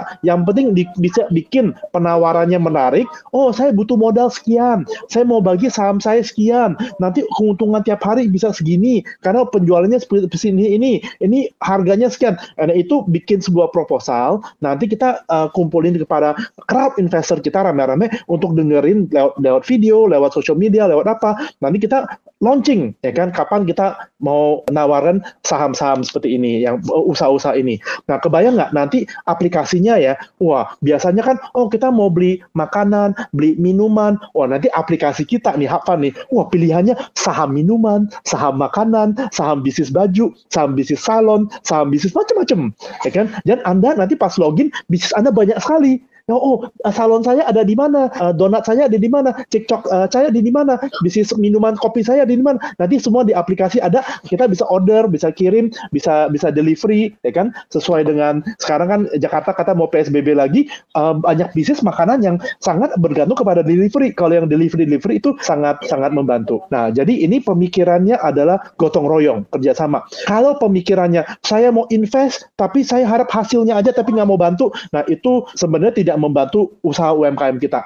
Nah, kita mau membantu UMKM supaya sama-sama maju, kita promosikan. Ya kan WhatsApp, Instagram, itu kan promosi gitu kan gratis. Ya, seminggu sekali kita, eh, bisnisnya kita loh, kepentingan kita. Karena bisnis itu makin menghasilkan, kita dapat bagi hasil. Makin besar menghasilkan, makin besar bagi hasilnya. Nanti pemilikan kita, saham kita, itu nilainya bisa naik. Dan kita bisa jual beli sahamnya. Jadi kayak bursa gitu ya, nanti kita ada bertahap dari sana. Jadi pemikiran gini, supaya uh, yang mau, mau, mau dapetin modal bisa lewat platform ini ini, tapi jangan pikir cuman uh, mau dapat modal doang. Bayangin, Anda juga bisa punya usaha kecil-kecil yang banyak, tapi nggak usah. Mungkin kamu uh, pengen uh, modal dari usaha Anda, mungkin Anda punya usaha kopi, Anda pengen dapat modal usaha. Ini caranya seperti ini. Tapi pemikiran gini, uh, jangan hanya hanya dari sana, tapi kita juga bisa taruh masuk masuk saham di proyek-proyek lain supaya kita punya lima ribu di bisnis ini, lima ribu di bisnis yang lain, lima ribu di bisnis yang lain lagi. Jadi kita punya banyak bisnis mana-mana, ya kan? Kan bisa kecil-kecil di mana-mana dan menghasilkan penghasilannya cukup bagus yang bisa bisa membawa hasil keuntungan buat kita. Jadi saya percaya banget bahwa hak fund ini adalah solusi buat pandemi dan solusi buat bangun UMKM supaya lebih maju lagi. Nah, jadi ini yang kita jadi ada peluang nih untuk bisa jalani seperti itu.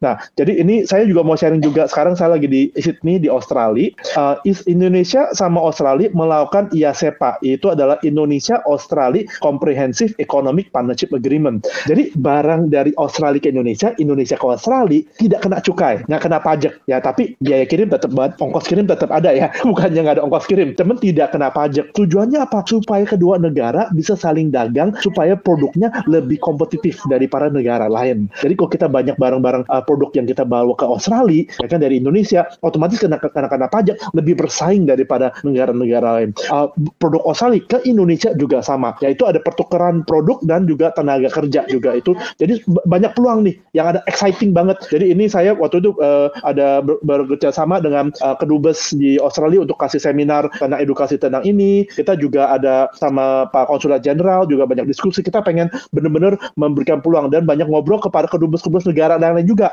untuk kita bisa saling kerjasama. Jadi memang kita mau platform buat Indonesia itu benar-benar sukses. Jadi uh, saya Fund bisa membantu kalau memang butuh permodalan kita bisa bantu untuk supaya bisa lebih sukses lagi gitu ya.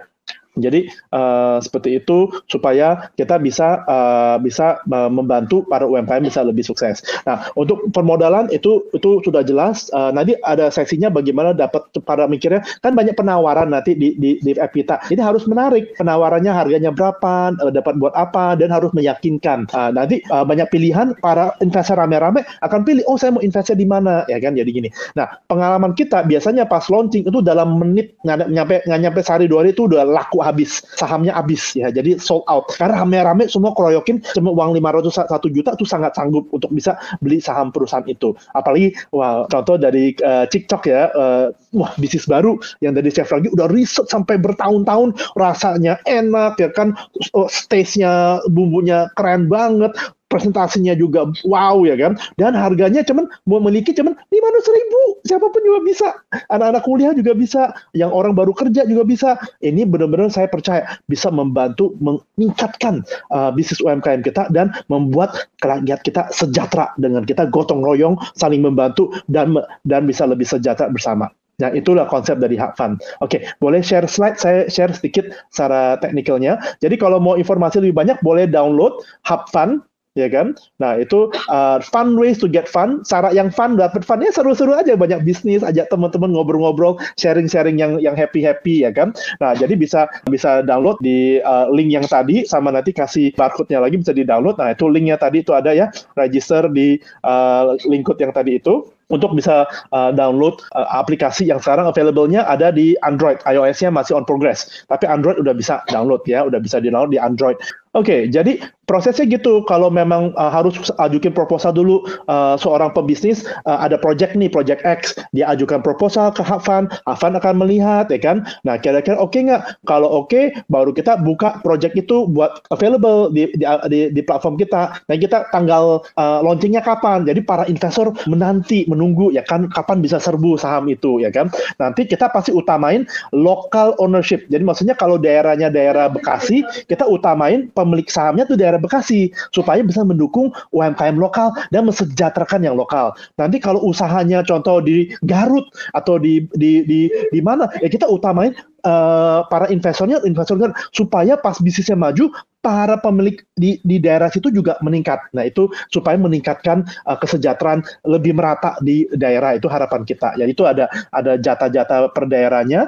Nah nanti itu pembia pembiayaannya para investor dia proposal dan akan masuk ke biayanya. Nanti kalau dari hasil usahanya ada keuntungan itu udah ada laba kotor itu bagi ya kan bagi kepada para pemegang saham ya kan. Nah itu pada para para investor. Nah yang uh, yang saya coba lakuin supaya transparan kepada semua investor adalah saya ngincar bisnis-bisnis yang bisa lapor keuangannya atau uh, uh, uh, omsetnya per hari jadi itu yang ada mesin mesin cash register yang digital atau yang yang online ya kan, itu kan bisa uh, laporan omset itu tiap tiap hari kan bisa rangkumin dan langsung kita lapor kepada semua pemilik bisnis di di aplikasi supaya transparan bahwa bisnis ini transparan, kita manage secara profesional, tidak ada neko-neko. Kalau kalau transparan, kelolanya pasti sejahtera buat semua, tidak ada yang aneh-aneh. Ya, jadi itu yang kita harapkan seperti itu dan tujuannya transparansi seperti itu supaya kita bisa self audit, kita boleh uh, belanja kita ngecek saya belanja lima puluh ribu ternyata nambah nggak di laporan saya? Contoh seperti itu bisa bisa dilacak. Jadi itu adalah self audit bisa dilakukan nanti. Nah jadi sekarang uh, kita sudah banyak nih ya kan uh, bisnis-bisnis yang sudah mau siap uh, didanain itu banyak banget banyak banget ya kan? Nah jadi itu uh, bisnis kopi cikcok dan lain-lain itu uh, nanti uh, dikelolanya secara profesional. Jadi para investor tidak ikut secara operasional. Jadi para investor itu benar-benar uh, hanya bantu promosi bantu ramein dan juga taruh dana ya kan? Lihat laporan keuangannya secara transparan ya kan? Nah ini uh, pemal pemilik bisa taruh di heaven kita. Nah para investor ini juga sekaligus investor juga pemilik dan juga sekaligus pemasar. Kenapa? Kalau kita rame-rame gotong royong kita promosin sebuah bisnis dan produk itu jadi rame ya kan? Nah kalau kita sering-sering saya mau seminggu sekali jangan usah setiap hari kita spam lah ya. Jadi kita seminggu sekali seminggu berapa kali promosin ajak orang datang belanja cobain. Nah itu kan jadi jadi rame jadi booming ya. Jadi bisnis bisnis apa pun UMKM kita bisa bantu boomingkan. Dan harapan kita nanti bisnis UMKM ini karena laporan keuangannya sudah rapi, nanti kalau mau masuk ke bursa saham yang real, kita bisa bantu. Ya, jadi dari kita menjadi jembatan untuk akses pendanaan kecil, menengah ataupun besar. Nah ini supaya UMKM kita makin maju, makin naik level, dana tidak jadi masalah buat modal. Itu kita bisa bantu supaya itu tercapai. Jadi ini uh, satu hal lagi adalah izin saya ini bisa dapat investor asing tapi terbatas. Jadi saya mulai ngobrol nih kepada teman-teman yang di Australia yang kerjanya gajinya lumayan, tapi mereka juga uh, investasi di mana? Saya bilang investasi hak fund saja, membantu para UMKM di Indonesia. Oh sangat tertarik banget. Tapi ada berapa dari mereka sudah citizen, uh, jadi uh, orang Indonesia tapi sudah jadi warga di Australia. Tapi bisa juga, bukan bukan nggak bisa. Warga Australia langsung orang-orang bule mau masuk juga bisa, tapi dibatasin supaya kontrolnya tetap di pada UMKM kita. Kita masih pemikiran utama dan kita kontrol di kita. Mereka hanya mendukung supaya bisnis kita lebih maju ya kan. Jadi itu uh, yang kita harapkan. Nah, jadi dengan pemikiran uh, kerjasama antara pemilik bisnis sama para crowd investor, kita sinergi ya kan. Dengan modal kecil 500 ribu kumpul rame-rame jadi gede ya kan. Dan kita promosi rame-rame jadi bisa berhasil ya kan. Oke, okay? jadi uh, itu uh, konsep dari kita ada. Nah, justru sekarang ini kita introduce bahwa ini sebuah peluang untuk kita bisa sama-sama bisa lebih sejahtera dan gotong royong kita bisa sukses. Nah, kita uh, senang banget kita bisa kerjasama dengan Chef Ragil, dengan uh, ide barunya dia yang udah di testing sama tim kita maknyos enak banget. Wah saya belum tes. Saya saya di Australia minta dikirimin susah. Harapannya kita buka cabang di Australia. Uh mau nggak tuh? Siapa yang mau rame-rame kita kumpulinnya rupiah tapi kita carinya dolar. Bisa bisa banget. Kita bisa buat usaha di di Australia untuk jalanin ini. Itu banyak yang bisa kita jalanin. Jadi sangat sangat seru sangat sangat exciting. Ini ada suatu hal yang baru. Kita masih sibuk mengedukasi dan sosialisasi untuk supaya bisa banyak dapat manfaat dari platform ini ya. Jadi kira-kira seperti itu. Oke, Pak Joni G, thank you banget presentasinya luar biasa, keren abis. Ini banyak yang udah mulai tertarik nih kepengen join di Have Fun ya. Nah, ini pertanyaan pertama soal untuk Chef Ragil nih. Chef Ragil ada pertanyaan, uh, Bang Ragil, kalau unjian proposal bisnisnya gimana caranya? Kalau pengen kali ya, kalau kalau kalau mau lihat, mm -mm, mau lihat proposalnya gimana? Uh, saya memang uh, saat ini kita memang masih baru bekerja sama dengan uh, Have Fun. Jadi uh, bisa lewat Have Fun. Paling benar, paling bagus adalah itu dulu. Karena ini kita masih dalam dalam waktu yang spesial gitu. Nanti kalau udah uh, lewat waktu masa spesialnya akan uh, kita lepas juga buat ke uh, umum. Tapi saya sih sangat menyarankan ini lewat Have Fun dulu karena juga harganya juga spesial nih kalau lewat Have Fun. Kalau ke, ke saya sendiri sekarang malah nanti perbandingannya pasti harganya memang lebih tinggi. itu sih. Jadi nanti bisa uh, lewat ke Heaven juga ya Eva ya. Gitu. Itu sih dari saya. Oke, okay, itu mungkin ada yang Noel-Noel dari Ausi Pak mau cobain. Iya. Saya kirim nanti Pak Joni. Yuk, lagi jawabannya. Uh, Oke, okay. kita langsung ke pertanyaan kedua. Ini menurut saya pertanyaannya bisa dijawab oleh Ibu Mas Rura. Pertanyaannya adalah uh, bagaimana cara kita berpartisipasi saat kondisi konsumen yang memang kondisi keuangannya di taraf rendah, sedangkan barang produk yang ditawarkan melebihi pendapat konsumen. Nah, gimana? Um, Ya, saya coba jawab ya. Mungkin uh, kita kan bisnis itu tergantung kebutuhannya apa. Jadi kalau emang kebutuhan barang kita, uh, kalau emang barang kita tidak dibutuhkan atau memang harga barang kita di luar yang dibutuhkan ya, mungkin kita nggak bisa tetap uh, konsen di sana gitu loh. Karena yang kita jual itu atau yang kita produksi itu apa yang dibutuhkan orang dengan range harga yang dibutuhkan orang. Jadi ya forget it kalau emang barang kita di atas uh, daripada pasar kita gitu. Karena mereka nggak akan pasti nggak akan bisa beli. Apalagi tadi saya sudah jelaskan bahwa saat ini kita masuk ke bottom uh, kebutuhan yang paling dasar yaitu kebutuhan dasar itu ya makanan, kemudian uh, kesehatan gitu loh. Jadi ya mohon maaf untuk teman-teman yang main di produk yang uh, menengah atas, yang eksklusif, yang um, yang seperti itu. Mungkin saat ini kita juga harus uh, stop dulu gitu loh karena emang saat ini mungkin belum ada pasarnya untuk itu. Itu mungkin dari saya. Mungkin kalau tadi sempat kita dengar cerita dari Ibu Dani Ros ya, dia awalnya fashion, terus dia banting setir dulu jualan bawang merah, hmm. terus akhirnya jualan masker gitu kan, karena melihat kebutuhan orang gitu. Mungkin itu bisa ya. dicontoh gitu ya. Seperti itu. Betul betul betul. Oke, terima kasih Ibu jawabannya. Mudah-mudahan yang tadi bertanya sudah kebayang ya akan seperti apa nextnya. Gitu. Oke, selanjutnya ini ada pertanyaan untuk Bu Dani nih Bu. Uh, ibu, apa Ibu bisa jelaskan bisnis apa saja yang bisa lagi booming saat ini? Gitu. Mungkin bawang dan telur ya Bu ya, kalau di perumahan. uh, ternyata uh, produk apa uh, bawang merah, bawang putih itu uh, sangat menjanjikan ya. Jadi begini ibu-ibu kan malas uh, berbelanja ke pasar atau uh, ke minimarket atau supermarket atau swalayan karena uh, takut uh, tertular misalnya gitu ya. Jadi mereka uh, lebih suka online. Ketika kita menawarkan di online, ketika saya menawarkan pada tangga-tangga saya lewat uh, misalnya WA group misal gitu ya, mereka sangat uh, uh, apa antusias gitu. Jadi mereka uh, beli gitu ya. Juga ada teman-teman saya yang memiliki restoran gitu ya, usaha kuliner, uh, mereka membeli uh, dalam partai lebih besar gitu ya. Misalnya sekali beli 100 kilo gitu ya. Apa hal-hal suatu hal yang tidak saya duga sebelumnya gitu ya. Uh, jadi uh, bagi oh, ya. uh, kadang-kadang merasa Udah seperti ini kayak Pak oh, Joni Pak Joni.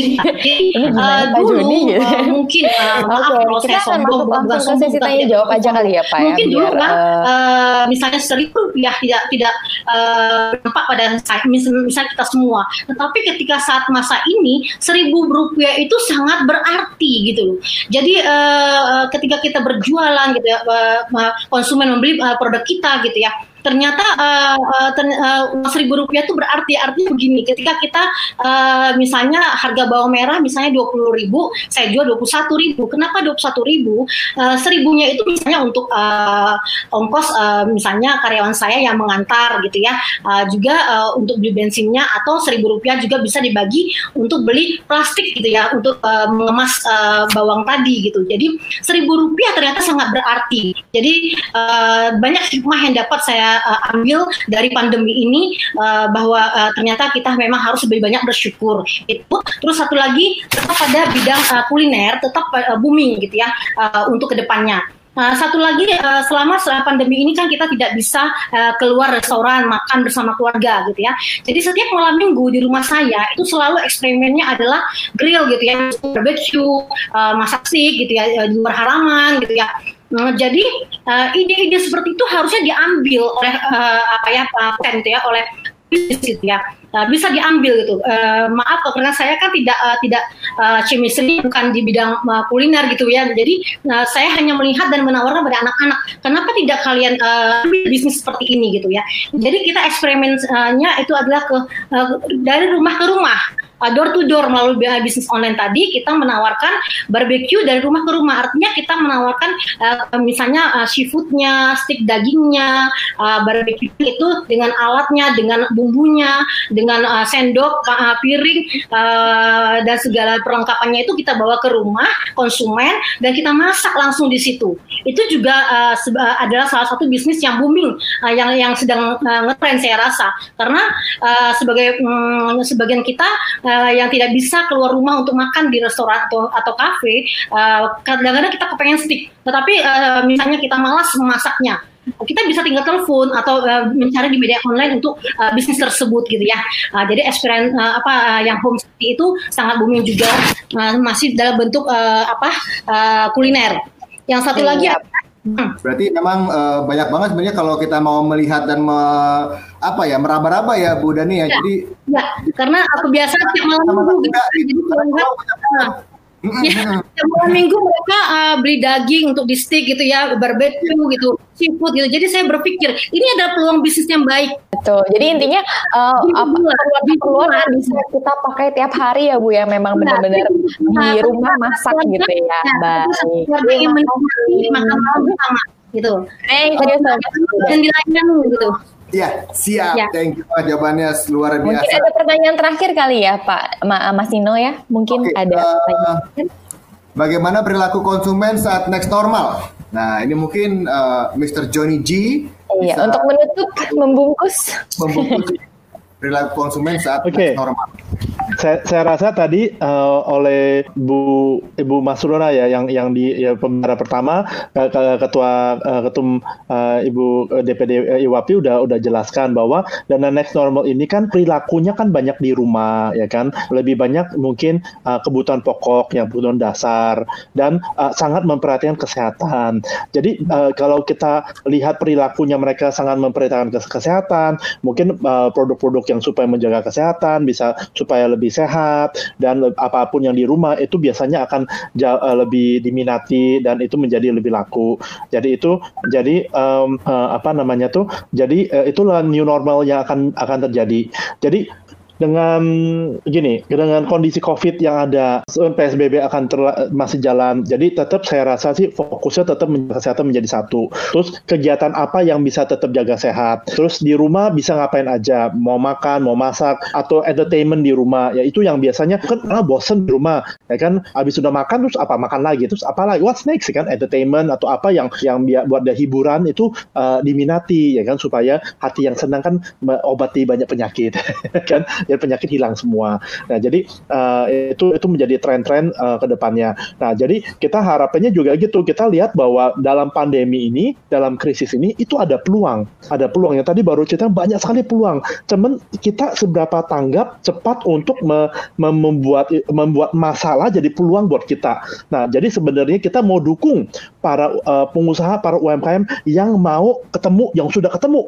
Oh, ini ada jawabannya nih ini bisa membantu masyarakat. Ini adalah bisa me, me, menjadi solusi buat next new normal. Nah, kita have fun mau juga mendanai, mau support supaya uh, bisa sukseskan ide Anda supaya bisa menjadi berkat buat banyak orang, menjadi bermanfaat buat banyak orang. Saya rasa uh, itu sih new normal arahnya ke sana. Thank you. Oke, ini new normal, new normal, new normal ya. PSBB-nya dua kali. Semoga nggak pada sepedahan habis ini ya, nanam aja di rumah. Thank you so much Pak Joni uh, untuk jawabannya. Nah, ini ya. pertanyaannya tuh banyak banget. Uh, kita sampai nggak bisa jawab semuanya nih, Mas Nino. Gimana nih? kita begadang aja, Pak. Jawabin. Mungkin nanti akan di recap sama uh, panitia ya. Uh, iya. Bisa dijawab uh, secara personal mungkin. Iya, uh, hmm. tapi untuk yang uh, belum pertanyaannya belum dijawab jangan khawatir karena kita bakal ada sesi seperti ini lagi tiap minggu dengan uh, jam dan waktu yang sama, uh, jam dan hari yang sama, jam dan waktu itu sama semuanya ya. Uh, nah minggu depan ini kita bakal uh, kupas tuntas uh, untuk yang uh, chef uh, Ragil punya bisnis nih makanan kan, uh, karena memang lagi booming pertama, terus yang harganya juga murah dan uh, corona ini ya uh, tidak berdampak sama corona ya makanannya ya, karena murah gitu kan. Uh, nah, uh, jadi gimana nih Mas Nino nih? Sepertinya kita harus recap dulu yang iya, uh, betul sekali. Dan uh, kesempatan kali ini. Jadi kalau saya boleh uh, merecap secara garis besar bahwa dalam kondisi pandemi seperti sekarang ya pasti kalau kita mau berusaha jangan lupa untuk selalu cari peluang, lihat kebiasaan baru target pasar kita, inovasi, kreatif dan gunakan peluang pendanaan atau model yang tepat dan guna di Have Fun. Iya, yang pastinya di rumah aja uh, duitnya tetap masuk ya, jangan uh, dia jangan iya. nggak iya. masuk gitu duitnya. Kaum rebahan atau goler-goleran ya? Iya, nggak apa-apa goler-goleran kalau rebahan tetap uh, masuk uangnya gitu. Oh, itu boleh. Ya. Iya, terima kasih banyak uh, Bapak Ibu uh, narasumber hari ini. Uh, kita bakal ketemu lagi di minggu depan. Terima kasih Bu Mas Luri, Bu, da, uh, Bu Dani, Mas Ragil dan Pak Joni. Kita bakal iya. ketemu uh, minggu depan jangan lupa subscribe. Bener gak sih kita ada subscribe? Jadi kan Tapi minggu depan nggak sama saya.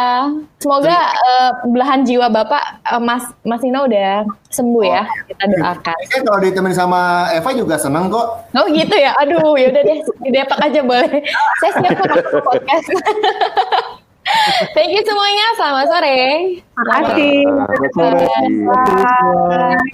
Terima kasih sudah mendengarkan ujung-ujungnya duit spesial Find Your Fun di podcast Skuter yang didukung oleh Have Fun, Star for Hire, Ikatan Wanita Pengusaha Indonesia, Food Connect, Top Karir, dan Bahtera Intitama Perkasa Group.